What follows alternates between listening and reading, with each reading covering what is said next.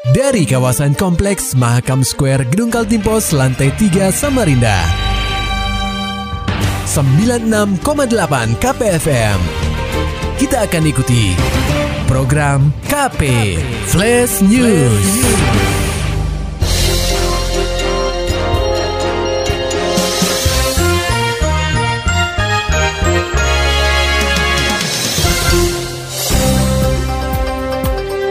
Berhari-hari sudah Dinas Pemadam Kebakaran atau Disdamkar Kota Samarinda berupaya memadamkan titik api yang membakar tumpukan sampah di tempat pembuangan akhir atau TPA Bukit Pinang, Jalan Pangeran Surya Nata, Kelurahan Bukit Pinang, Samarinda Ulu. Mereka selalu siap siaga ketika titik api mulai muncul. Bermodal masker berkatup, selang dan air, mereka berjibaku di dalam kepulan asap putih bercampur gas metana dari hasil pembusukan sampah. Puncaknya pada Rabu 16 Februari 2022, tiga anggota di Sedamkar Kota Samarinda mengalami sesak napas saat berupaya memadamkan api. Dikonfirmasi melalui sambungan telepon, Kadis Damkar Kota Samarinda, Hendra Aha, mengatakan salah satu faktor yang melatar belakangi tumbangnya tiga penjinak api ini karena faktor kelelahan.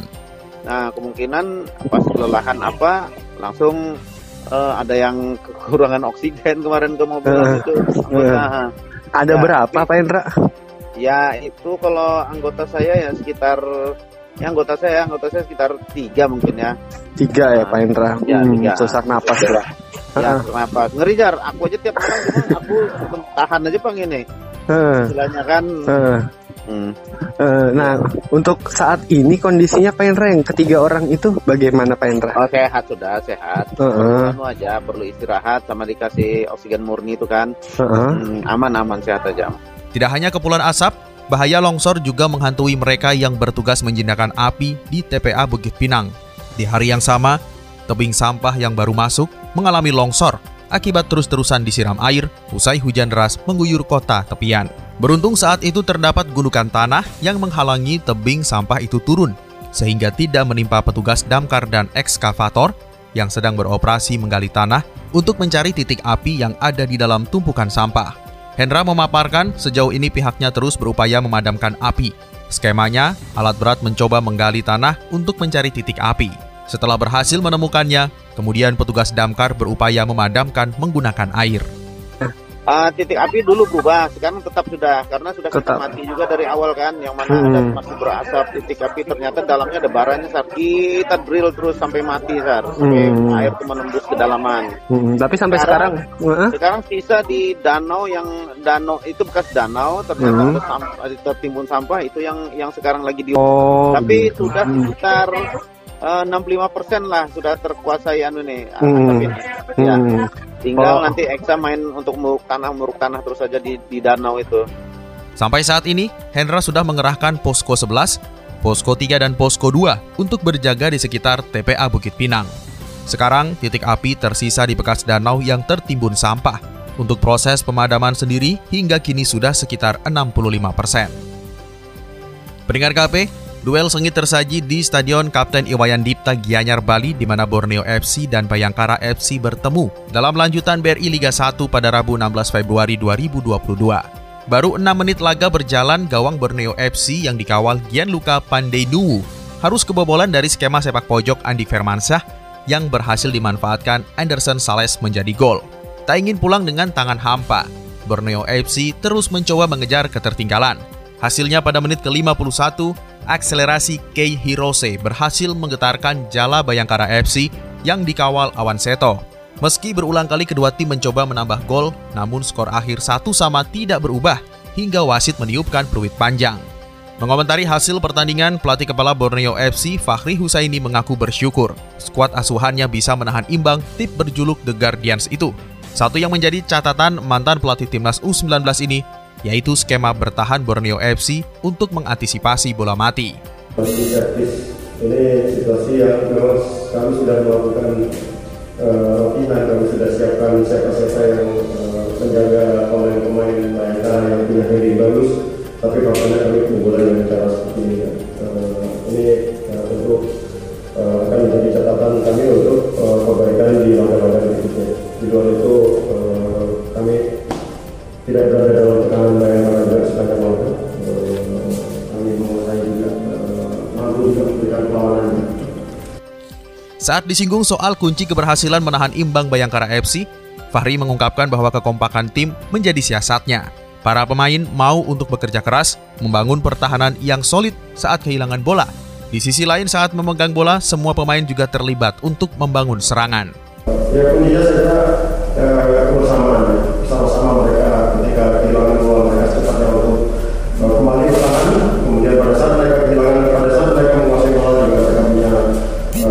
kecepatan yang luar biasa untuk melakukan transisi positif. Ini ini, ini modal kami uh, sehingga kami bisa meraih rekor satu malam ini Bayangkara. Atas raihan satu poin kali ini, Borneo FC masih bertahan di posisi ke-6 dengan raihan 38 poin dari 25 laga yang sudah dipertandingkan. Berita selanjutnya, peringatan KP jasad pekerja bangunan ditemukan membusuk di rumah kosong. Laporan selengkapnya akan disampaikan reporter KPFM Samarinda, Muhammad Nur Fajar. Seorang pekerja bangunan bernama Basura ditemukan sudah tidak bernyawa dengan kondisi membusuk di sebuah rumah kosong yang berlokasi di perumahan New Mahakam Grande, Jalan Ring Road 2, X Jalan Nusyirwan Ismail, Kelurahan Lok Bahu, Sungai Kunjang pada Rabu 16 Februari 2022 pukul 20.00 waktu Indonesia Tengah. Tubuh pria asal Kalimantan Selatan itu pertama kali ditemukan oleh salah satu rekannya, Muhammad Maulid. Kanit Reskrim Polsek Sungai Kunjang, Ibda Roni Wibowo mengatakan, saat itu Maulid mencoba mengajak Basura untuk berobat. Namun saat mencoba mengetok pintu rumah, tidak ada sahutan dari dalam. Alhasil, Maulid mencoba masuk lewat pintu samping yang tidak terkunci. Setelah masuk, tercium aroma busuk yang berasal dari salah satu ruangan. Ketika dibuka, di sana sudah terbaring Basura dengan kondisi tubuh yang sudah membengkak. Dari hasil olah TKP awal yang dilakukan unit Inafis dan relawan Inafis Foresta Samarinda serta jajaran Polsek Sungai Kunjang, tidak ada tanda-tanda kekerasan di tubuh pria 46 tahun itu. Roni menyebut, dugaan awal pria itu sudah meninggal dunia sejak tiga hari yang lalu. Yang bersangkutan almarhum ini bekerja untuk merehab rumah. Tapi setelah jadi sebagai pemilik meninggali tempat ini karena kosong. Karena kosong ya kemudian terjadi sampai meninggal. Berapa hari juga? Sekitar sekitar tiga hari tiga hari. Tiga hari yang ya. tiga hari. dia ada pemeriksaan awal ada tanda-tanda kekerasan pak? Kalau saya lihat dari awal tadi tidak ada. Itu kekerasan sebenarnya tidak ada kita masih nanti tanyakan visum kemungkinan ada riwayat penyakitnya Kalau dari barang bukti yang ditemukan ada obat-obatan? ada bukti tidak ada dan HP uang itu aja tidak ada. Dugaannya karena sakit ya? diduga kan sementara sakit karena tidak ada tanda-tanda kekerasan Setelah melakukan olah TKP awal, jasad Basura segera dievakuasi ke RSUD Abdul Wahab Syahrani guna menjalani proses visum. Hal itu dilakukan untuk mengetahui penyebab kematian pekerja bangunan tersebut. KPFM Samarinda, Muhammad Nur Fajar melaporkan. Rusdian Syahras punya kesempatan besar menjadi calon tunggal ketua KONI Kaltim dalam musyawarah olahraga provinsi atau Musorprov yang akan diselenggarakan pada 22 Februari 2022 mendatang. Pria yang akrab disapa Rusdi itu mengantongi 100% suara dari KONI Kabupaten Kota. Sedangkan dari sektor pengurus provinsi cabang olahraga, Rusdi meraup 58 dukungan dari 65 cabur di bawah naungan KONI Kaltim. Pada Rabu, 16 Februari 2022, Rusdi mengembalikan formulir pendaftaran calon ketua KONI Kaltim periode 2022-2026. Berkas tersebut diterima oleh Husin Syah selaku ketua tim penjaringan dan penyaringan di ruang rapat KONI Kaltim, Jalan Kesuma Bangsa, Samarinda. Berikut keterangan Husin Syah. dengan telah diserahkannya eh, persyaratan calon ketua umum KONI Kalimantan Timur periode 2022-2026 kepada tim penjaringan dan penyaringan ketua umum KONI Kalimantan Timur tahun 2022-2026 secara lengkap dengan ini kami telah menerima dengan baik dan akan segera kami proses lebih lanjut. Apabila memenuhi syarat, Rusdi akan berganti status menjadi calon ketua KONI Kaltim yang akan dipilih pada Musor Prof nanti. Kepada awak media, Rusdi mengatakan bahwa dirinya enggan mendahului takdir. Ia ingin mengikuti semua proses pendaftaran yang ditetapkan tim penjaringan dan penyaringan. Tapi dasarnya memang saya dari olahragawan. Jadi rasanya saya banyak belajar pada orang-orang yang terdahulu, orang-orang yang memang mempunyai reputasi olahraga yang baik ya saya ikuti. Dan ini menjadi modal pula untuk saya. Apalagi teman-teman yang mendukung saya kan semuanya potensi di cabur-cabur itu faktanya kan banyak hampir semua Kaltim ini kan kalau dari segi geografi segi apa populasi penduduknya tidak mungkin lah bisa terbagi Pulau Jawa ya kan penduduk kita sekarang berapa hampir 2 juta 3 juta, 3 juta. dibanding dengan Jawa coba Jawa kenapa bisa mereka juara umum ya wajar lah jumlah penduduknya besar hmm. kita yang skala kecil tapi bisa terbaik di luar Jawa Rusdi berharap jika terpilih menjadi ketua KONI Kaltim, dirinya akan membawa impian olahraga bumi etam bisa terwujud. Salah satunya adalah menjadi yang terbaik di luar Pulau Jawa. KPFM Samarinda, Maulani Al-Amin, melaporkan. Masih dari seputar dunia olahraga, pendengar KP Forum Olahraga Kalimantan Timur atau Forkot menggelar musyawarah olahraga provinsi atau Musorprof pada Selasa 15 Februari lalu. Dalam kegiatan yang dihelat di kantor Gubernur Kaltim Jalan Gajah Mada, Samarinda itu, menetapkan Zairin Zain mantan calon wali kota Samarinda pada Pilkada 2020 lalu sebagai ketua KONI Kaltim. Dilansir dari kaltimprof.go.id, Zairin Zain terpilih menjadi ketua KONI Kaltim secara aklamasi. Ia mendapat dukungan dari 22 pengurus provinsi cabang olahraga dan KONI Balikpapan.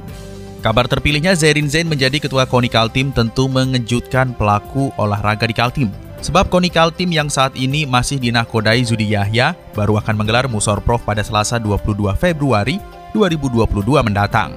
Menanggapi terciptanya konikal tim versi Forkat, Ketua Koni Berau, HM Al-Hamid mengatakan konikal tim hanya ada satu, yakni Koni yang dipimpin Zudi Yahya. Salah satu instrumen yang membuat kepengurusan Koni dianggap sah adalah kehadiran Koni Pusat.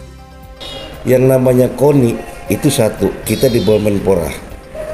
Pertanyaan saya adalah ke mana ada nggak yang mewakili dari uh, pusat? Nah kalau dibilang ini legal atau tidak, biar nanti masyarakat dunia olahraga yang akan menilai. Bagi kami ini dinamika. Yang namanya KONI itu terstruktur. Ada KONI pusat, KONI provinsi, dan KONI kabupaten kota.